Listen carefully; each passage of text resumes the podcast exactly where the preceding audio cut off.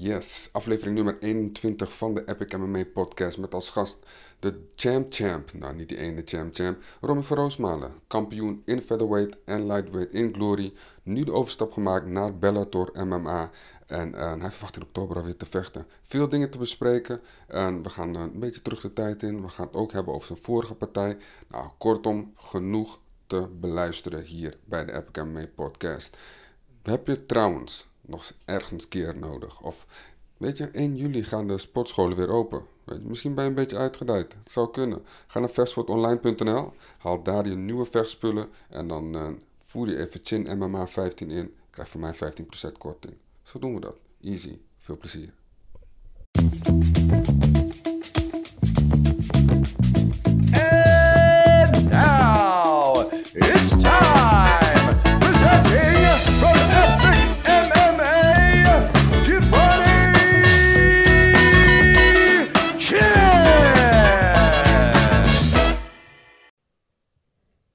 Hey Robin.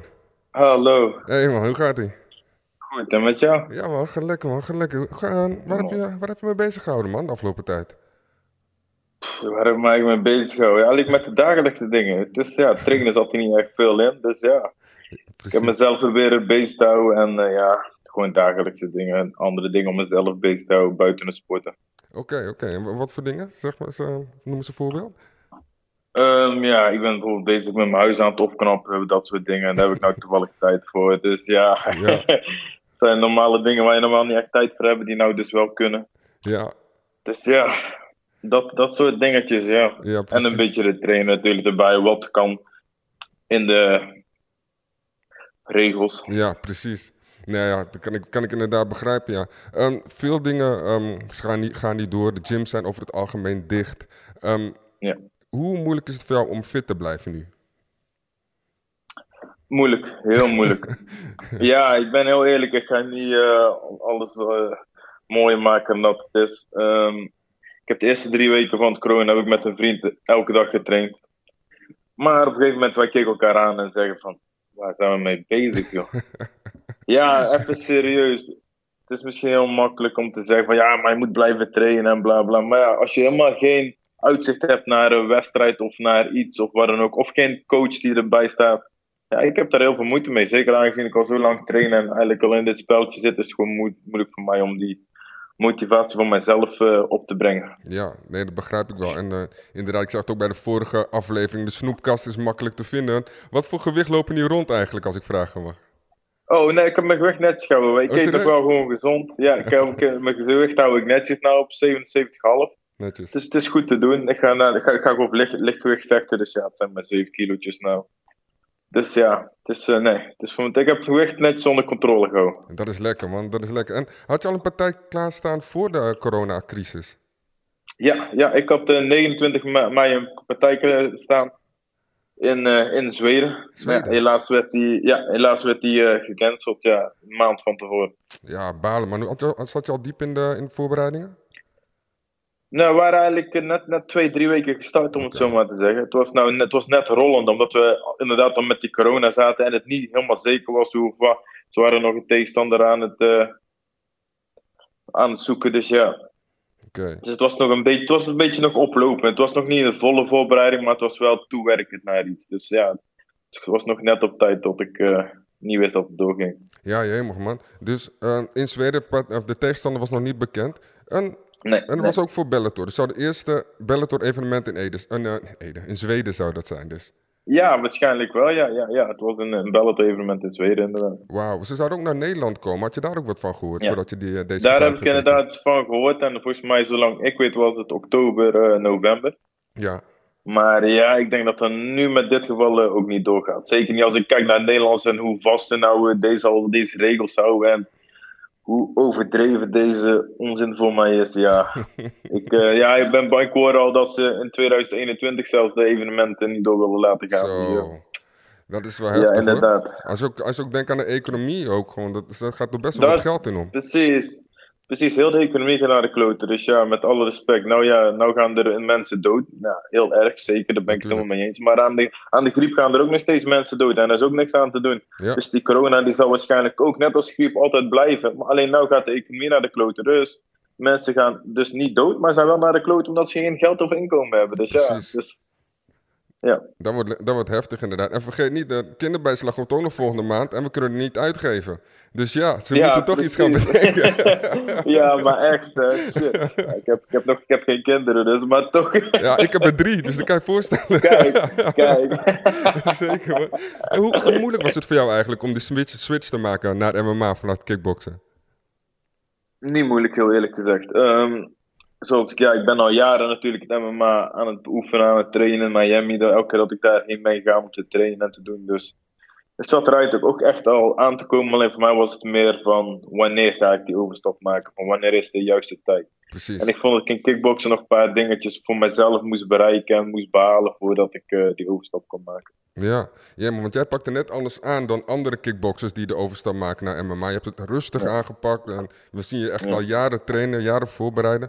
Denk je dat dat eh, de sleutel naar succes zal zijn? Dat je het rustig aan eh, hebt opgepakt? Ik denk het wel, ik denk het wel. Ik denk dat ik er in, in die jaren doorheen echt doorheen, door, erin ben gegroeid. Ik heb met heel hoog niveau natuurlijk altijd getraind.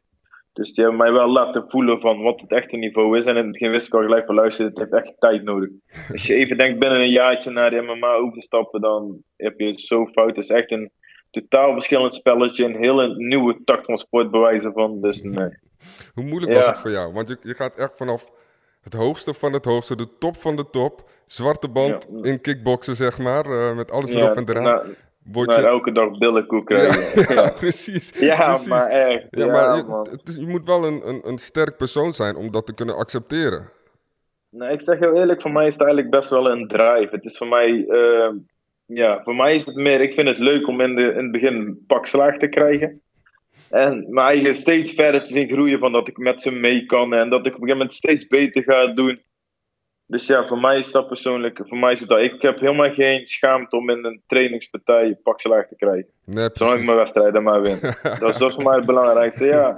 Ja, nou, absoluut. Nou, het, is, Serieus. het is wel een trots dingetje, hè? want heel veel, heel veel vechters Ja. van, van, van topniveau, als ze weer als witte Ja. band moeten beginnen, om het zo te noemen, ja. dat eh, ja, moet je wel even je trots aan de kant zetten natuurlijk. Ja, het is ook zeker zo. Maar ja, heb, je, heb jij trots genoeg om dat te kunnen? Dat is ook weer de vraag. Absoluut, absoluut. Ja, Zeker. dus Ja, ja, nee, ik, ik had daar geen moeite mee. Dus ja. Oké. Je, hebt je hebt ook een zwarte band in judo, hè? Misschien is dat een tijdje geleden. Maar eh, Het is hoe, een heel lang tijdje geleden. hoe, hoe, hoe erg heeft die basis je geholpen? Die basis heeft me goed geholpen natuurlijk. Ik, kan natuurlijk. was natuurlijk wel iets verder in de basis dan velen dachten. Ik heb het in het begin ook helemaal buiten gehouden, dus ik heb ook niks gezegd. Nee. Dus ja, dus op zich, ik kan mij wel goed redden op de grond. Natuurlijk, het worstelen was ik natuurlijk niet zo thuis Zo, in, dus ja. daar krijg je weer andere, ja, andere. Maar dat is het grappigste, dat vind ik het leukste van het hele MMA. Het worstelen vind ik het leukste. Oké, dat is nice. Dus, eh, Dat Dus is- ja, ja, dat, is- ja. ja, ik vind dat sowieso een belangrijk onderdeel. En twee, ja, ik vind het fysiek spelletje heel leuk. Absoluut. Absoluut. En je bent ook echt naar Amerika gegaan om te trainen. Eh, het worstelen Ja. daar is natuurlijk ongekend niveau. Hoe was dat? Ja. Dat is hijgen Ja. zeker. Nou, de eerste, allereerste keer dat ik zeven jaar geleden naar Amerika ging, kwam ik op een woensdag aan en donderdag was MMA-sport. Dus ik denk, nou ja, jetlag of niet. Ik denk, ja, fuck it. En dan snap ik, ik ben hier nou toch, ik ga gelijk alle trainingen meepakken. ja. Dus MMA sparren met takedowns. Ik denk, ja, zo'n takedowntje, ja, wat is dat nou, joh? Ja, ik was de eerste ronde ging ik sparren met uh, Abel Trujillo. Oh ja, van ja. de UFC toen. Luister nou, binnen vijf seconden lanceren aan mij. ja, hij, ik dacht mij, ik denk, wat is dit dan? Maar ja, toen zag ik pas echt wat, wat het verschil was en wat nou echt die takedowns inhoudt en hoe het erbij komt kijken, wat voor verschil het is. Dus ja, Ja. sindsdien heb ik ook eh, heb ik wel meer rekening mee gehouden, Zo. inderdaad. Maar ook gewoon meteen tegen Trujillo staan ook meteen. Dus Ja, is ja. meteen een beest Ja die, heeft me gelijk, ja, die heeft me gelijk met mijn been op de grond gezet. geloof ik best, geloof ik best. Eh, Ja, neem me eventjes helemaal terug naar eh, hoe je begon met vechtsport. Want als ik Wikipedia moet Ja. geloven, op driejarige leeftijd, nou, dan kan je, pff, dan kan je, dan kan je haast... Luister, die. Wikipedia van mij die klopt helemaal geen reet van. Mooi. Dus ja, dat is goed. helemaal niks. Nee, er, staan zelfs jeugd, er staan zelfs jeugdpartijen op die, waarvan ik niet eens weet van hoe of wat. Oh, en de professionele partijen, daar is- daar klopt ook geen reet van. Dus ja, ja. Heftig. weet je wat, het staat, er- het staat er mooi en het is prima voor mij. Ik, eh, ik, mij boeit dat niet echt. Nee, maar het is wel lastig voor research. voor mij. Ja, ja, voor wel. jullie wel, maar... Nou, en, maar Ja. maar niet, ja, dan kunnen we alle, alle, alle mythes kunnen we nu eh, bij deze kunnen we exposen. Ehm, er, stond, hè? er stond dus bij driejarige leeftijd. Klopt dat? Nee. Nee, ik denk wel dat ik op een hele jonge leeftijd ben gegaan. Ik denk dat ik een jaar of vijf was. Dat moet zeggen, want ik deed toen, ja. Omdat ik met mijn pa elke middag naar de sportschool ging, bewijzen van. Dus ja, het was automatisme. Het was niet, ja. Doe het gewoon Hij mee. ging trainen, ik ging mee en ik ging kijken. En af en toe was het een beetje op de bokzak en was het een beetje mee trainen. Gewoon speels, maar Ja. ja, niks, niks met een bedoeling om het zo maar te zeggen. Nee, precies. En je had het over je vader. Hoe grote rol heeft hij gehad in je vechtsportcarrière en de begeleiding daarin? Ehm, ja, in het begin was het natuurlijk groot. Ja. Ehm, ja, hij was natuurlijk, omdat ik met hem naar de sportschool ben gegaan, eh, was hij, ja, zou ik zeggen, het eerste die mij eigenlijk alles heeft geleerd. En uiteindelijk, naarmate ik ouder werd, is het steeds meer uitgebreid naar nieuwe uitdagingen zoeken, nieuwe trainers die een andere visie hebben om daar weer in te groeien. Dus ja, maar hij is me vooral in het begin echt een hele eh, grote invloed geweest. Ja. Was het lastig? Ik kan me voorstellen dat het lastig is dat je zegt: hé hey pa, sorry, maar ik ga even een andere coach zoeken. Is dat, is dat lastig om te doen? Ja, ja, dat was best lastig. Ik weet niet wat met mijn beeldscherm is. Ik maar- weet het ook niet. Je hebt hem, eh, volgens mij heb je hem. Hoe doe je dat eigenlijk? Nee, ik heb helemaal nergens op weer gedrukt. Dus, oh, nou is die weer terug. Ja, hij is weer terug. Die switch die Nee, ik mij. Nee, ik, ik, heb een heel fijn, ik heb een heel fijn scherm. Die drukt af en toe zelf op, eh, op het beeldscherm. ah, helder, helder. Ja, dus ehm was je vraag ook sorry? Of het moeilijk was tegen je pa te zeggen dat je voor een andere trainer ging. Ja, in het begin eigenlijk wel. Maar aan de andere kant, ik vind, ja, je moet toch privé en zaken moet je gescheiden houden. Dus ja, uiteindelijk ja, moet je ook een beetje voor jezelf kiezen, om het zo maar te Natuurlijk. zeggen. Natuurlijk. En ja, uiteindelijk heeft het ook, het was in het begin was wel een beetje lastig, maar uiteindelijk heeft het ook zijn wegen kunnen vinden. Ja, en hij heeft natuurlijk ook het beste met je voor. En het heeft zijn vrucht afgeworpen uiteindelijk. Precies. Ja, precies daarom. Dus de resultaat is het belangrijkste. Absoluut, absoluut. Als je kijkt naar je allereerste partij, kan je daar nog wat van herinneren? Ik heb hem op videoband staan. Serieus? Ja, toen was ik echt een jaar of vijf, zes inderdaad. Ja, dat was eh, te grappig voor woorden, maar handschoenen tot, je, handschoenen tot de ellebogen. En, ja, wat leuk man. Toen mocht je zelfs nog op hoofd, dus ja. Precies, met je vijfjarige leeftijd.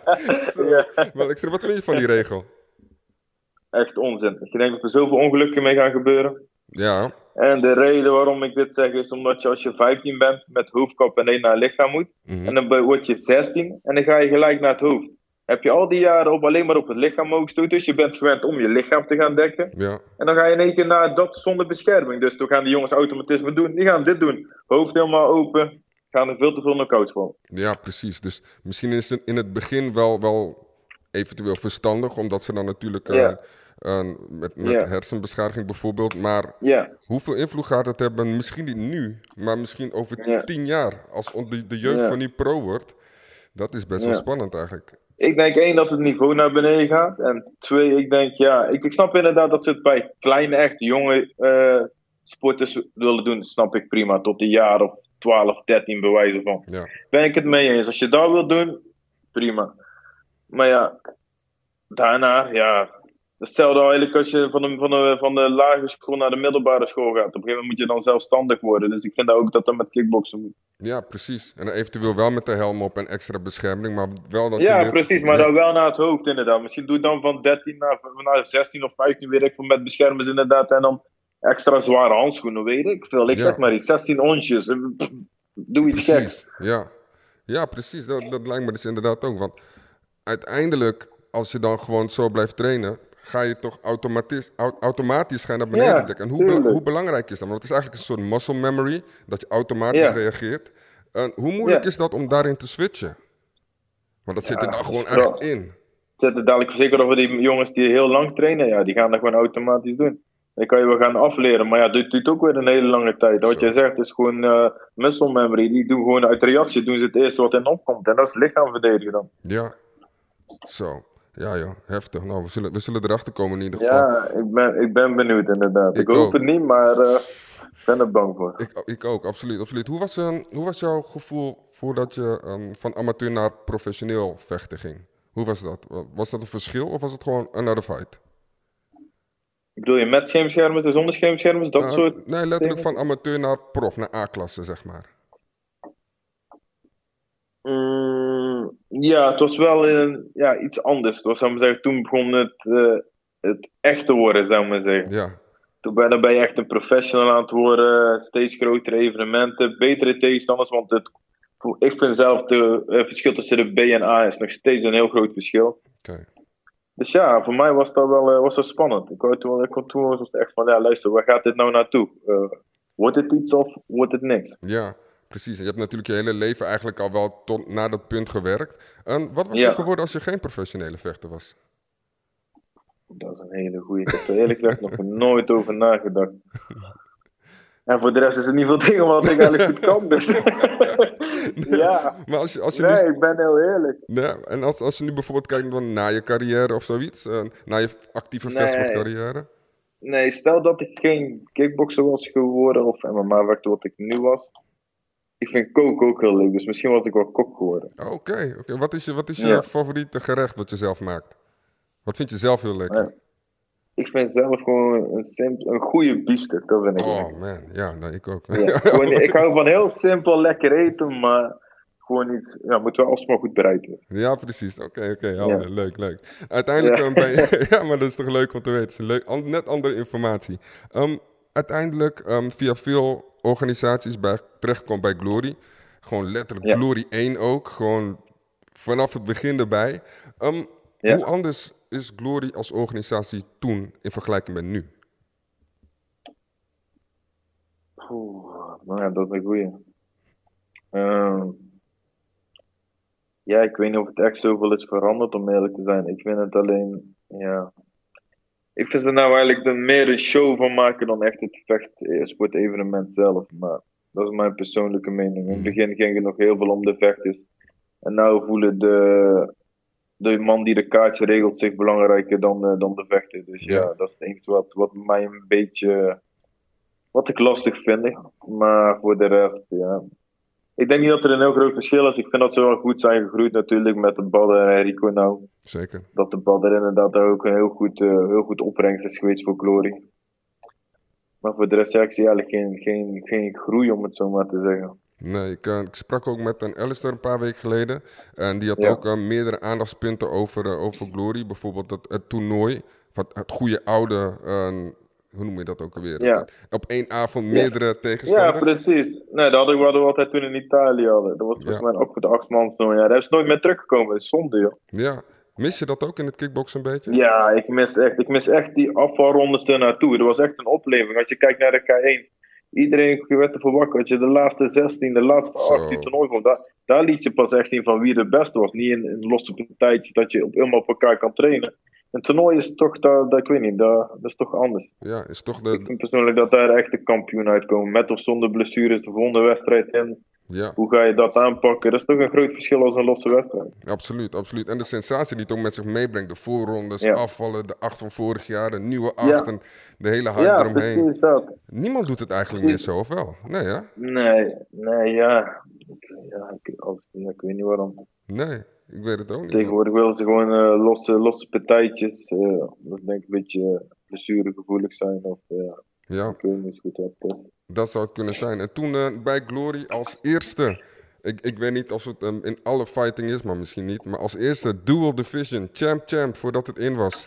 Twee titels gewonnen bij Glory. En welke van de Ja. twee hecht je meer waarde aan? Verder of lightweight?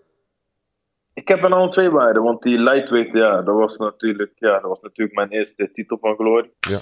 Maar bij de featherweight hadden mensen zoveel twijfels dat ik überhaupt het gewicht zou kunnen halen en dat ik daar kampioen zou worden. Dus ja, die heeft me ook weer extra waarde. Ja, natuurlijk, natuurlijk.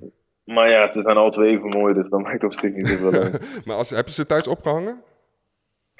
Zal ik je heel eerlijk zeggen, ze liggen in een doos. ja, Afgesloten hoofdstuk. Ja, ze liggen gewoon in een doos. Maar ik bewaar wel alles eromheen. Ik bewaar de handschoenen waarmee ik heb gevochten, het broekje. Dat zit allemaal bij elkaar. Dus ik, dat bewaar ik dan weer wel. Maar of ik het echt ga ophangen, ja. Ik ben daar niet zo van. Ja, dat is, eh, dat is behaald. Dus dat is uh, op naar de volgende. Ja, precies. Dat is wel Ik vind mooi. de volgende, tit- de volgende titel vind ik veel mooier. Ja, man, spannend. Gaan we ook zo voor hebben, inderdaad. Ja. Maar dat, eh, dat belooft heel wat moois. Ehm, terwijl je nog bij Glory vocht, gewoon in Ja. die periode, begon je al je MMA-debuut te maken. En volgens Ja. mij, als ik terug had gekeken, ehm, heb ik volgens mij in twee jaar toen iets van zes partijen gedraaid, inclusief kickboksen en MMA. Het, het was, Ja, het was, klopt, Ja, ja. toch? Het was, het was wel. Klopt. Hoe was die periode voor jou? Ja, het was leuk. Het was leuk. Ik had liefst nog wel meer MMA tijd tussendoor gegaan. Maar ja, wegens wat blessuretjes en dat het net niet ging met de evenementen die elkaar kruisden, is het niet gegaan helaas. Nee.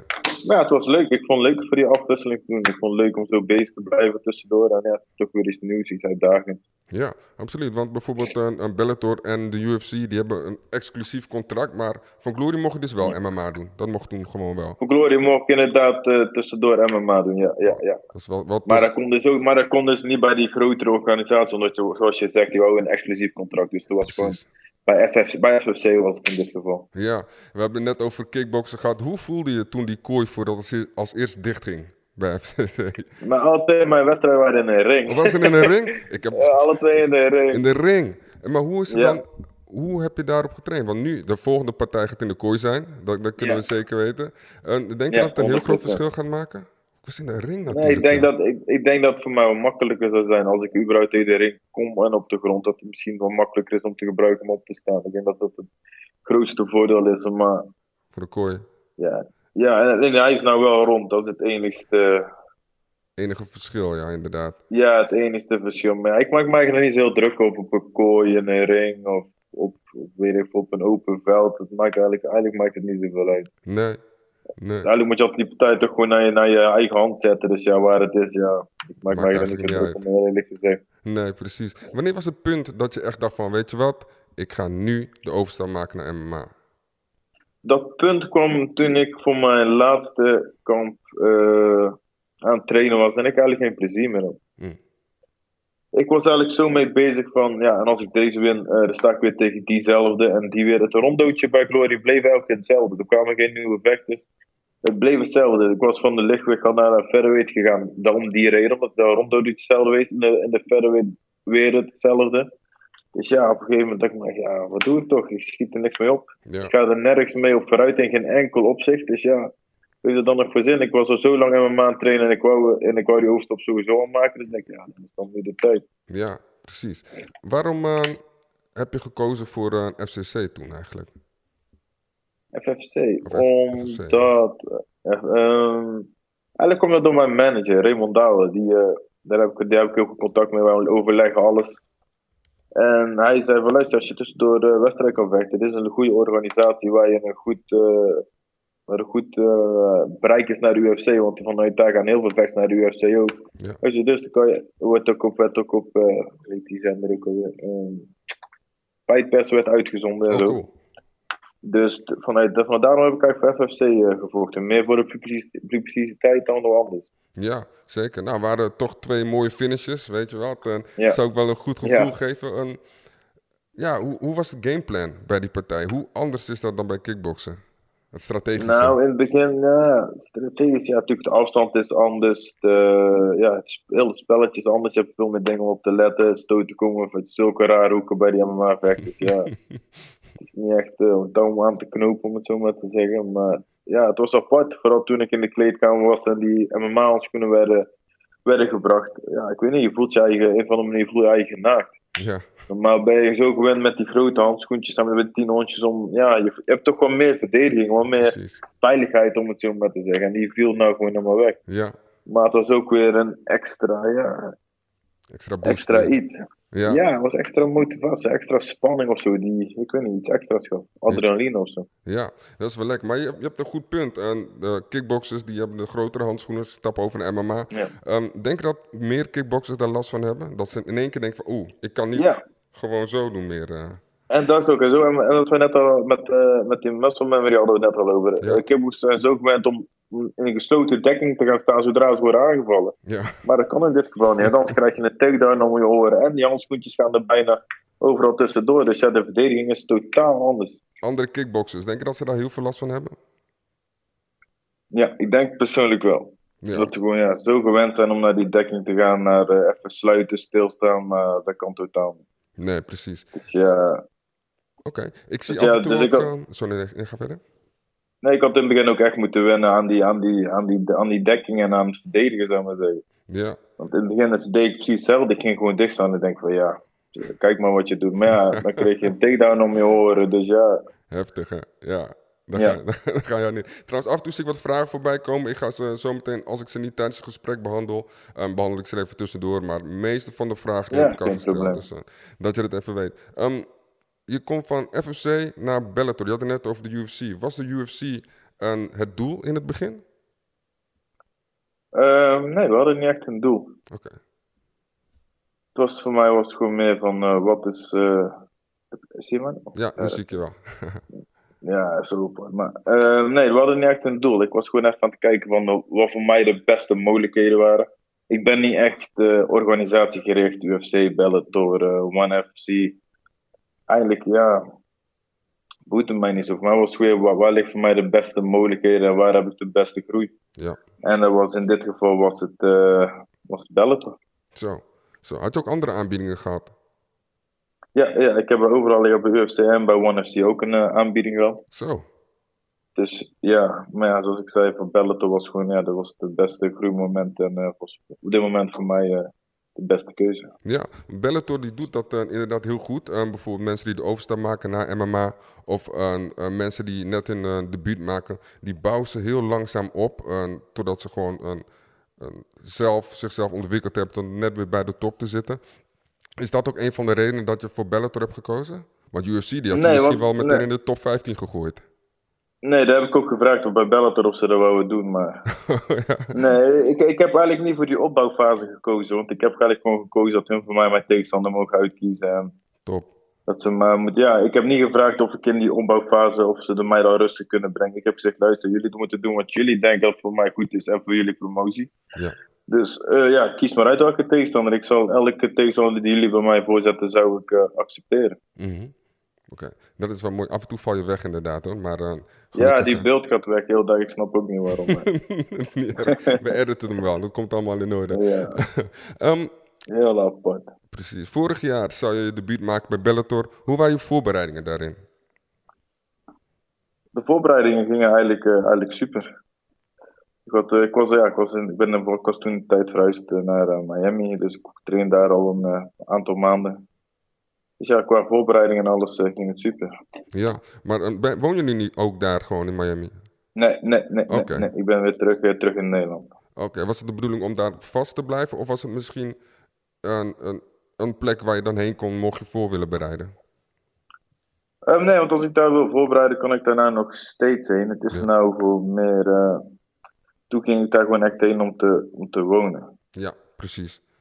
En, En om, en om te trainen natuurlijk. Maar nou is het, ja, ik word echt gek van dat beeld, sorry. maar die telefoon, ik moet echt weer, eh, KPN doet er iets aan. Maar, eh, maar ja, dat komt allemaal in orde. Het komt allemaal goed uiteindelijk. dus, dus nee, nou, maar nou ga ik, nou als ik nou trainingskamp zou willen, dus kan, ja, kan ik daar gewoon heen in principe. Ja, precies. Wat is de reden dat je eigenlijk terug bent gegaan naar Nederland?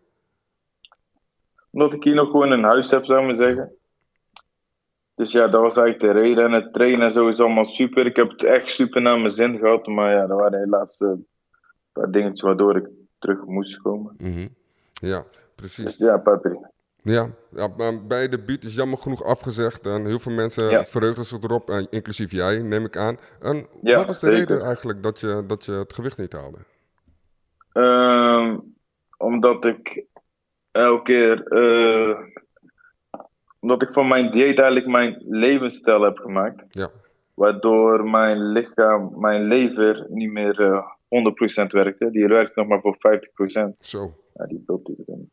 Dus dat was de reden waarom eh, eh, mijn eten en alles niet werd goed verteerd. De spijsvertering deed niet meer goed. eh, ja. Dus dat was eigenlijk de reden waardoor mijn lichaam niet wou afvallen. Ja, ik helemaal... Niet gooien met die telefoon. Ja, daar zijn we weer. Hè. mooi man. Ja, Ja, maar dus, dus- je leven dus. Heb je daarna nog eh, gecheckt eh, voor de Ja, functionaliteit? ja, ik heb daarna ben, ik heb allemaal testen gedaan. Ik heb bloedsonderzoeken gedaan. Ik heb eh, alles laten Testen. testen. Met elkaar aan was. Ja, testen, testen en testen. Dus ja, uiteindelijk kwam eruit dat mijn lever en mijn metabolisme eigenlijk niet goed waren. En eh, daarbij ook te veel stress, wat ook heel slecht is natuurlijk. Ja, Dus dat was eigenlijk, met die combinatie was eigenlijk de reden waarom mijn eh, lichaam niet goed functioneerde. En het ging niet wou afvallen, waardoor het eh, ik het gewicht niet kon halen. Ja, want in principe heb je het gewicht wel vaker gehaald. En de- uiteindelijk heeft de, de commissie gezegd dat je nu op lightweight eh, moest vechten. Heb ik Ja. gelezen. Ben- vind je dat terecht? Of denk je van, nou, ik zou Ja, het toch wel ja kunnen ik, halen? Ik kan zo het kunnen halen, maar ik snap wel goed dat ze mij eerst voor een zekerheid op lightweight willen geven. En ik zeg wel bij mij is voor het gewicht maakt me eigenlijk ook niet zoveel uit. Ik heb vaak zat met eh, jongens die op lightweight vechten, getraind. En het gaat me prima af qua kracht en ook maar elk voordeel die we kunnen halen in het MMA, ja, die wil ik natuurlijk behalen. Dus ja, als ik naar verder weet, dan waarom niet. Maar ik ga nou eerst even op lightweight kijken.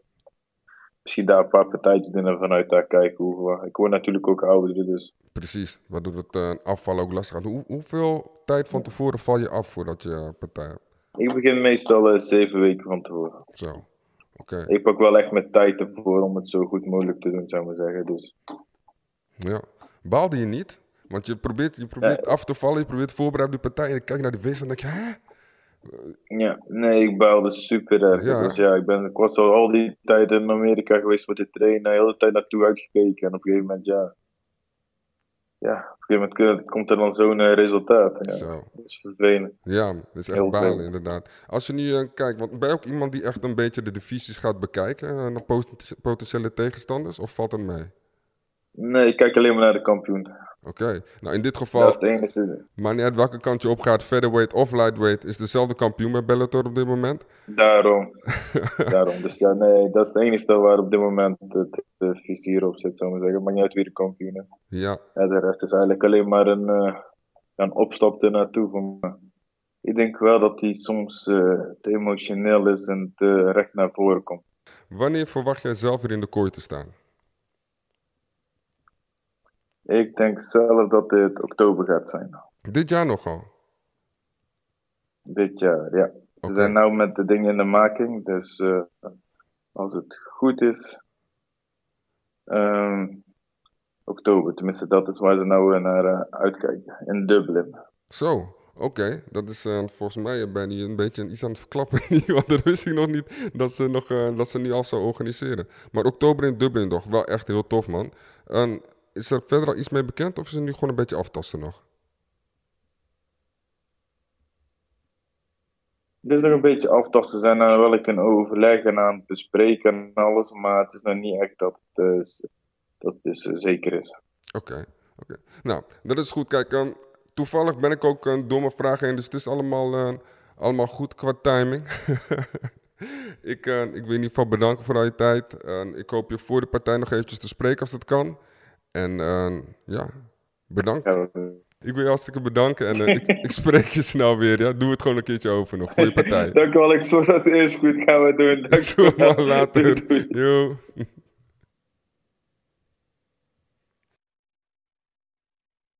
Dit was dus Epic MMA Podcast aflevering 21 met Robin van Roosmalen. Het ging aan het einde een beetje mis, maar al met al een leuk gesprek gehad. Leuke, leuke gast is het ook. Ik, eh, ik heb hem wel een keer gesproken, was via, voor Bellator. Was, eh, via, eh, dat was via Bellator, dat was via de telefoon. En toen was er ook wat met de verbinding aan de hand, waardoor ik hem niet hoorde. We hebben nu toch wel goede informatie eruit gekregen. Leuk gesprek gehad. En ja, ik ben echt benieuwd waar het schip strandt voor Robin. Hartstikke bedankt voor het kijken. Hopelijk tot de volgende keer. Abonneer op dit account en druk op het belletje als je niks wil missen. Maar je kan ook gewoon dinsdag kijken naar de Epic MMA Podcast live op Instagram. Ik ben Giovanni Chin. Tot de volgende keer.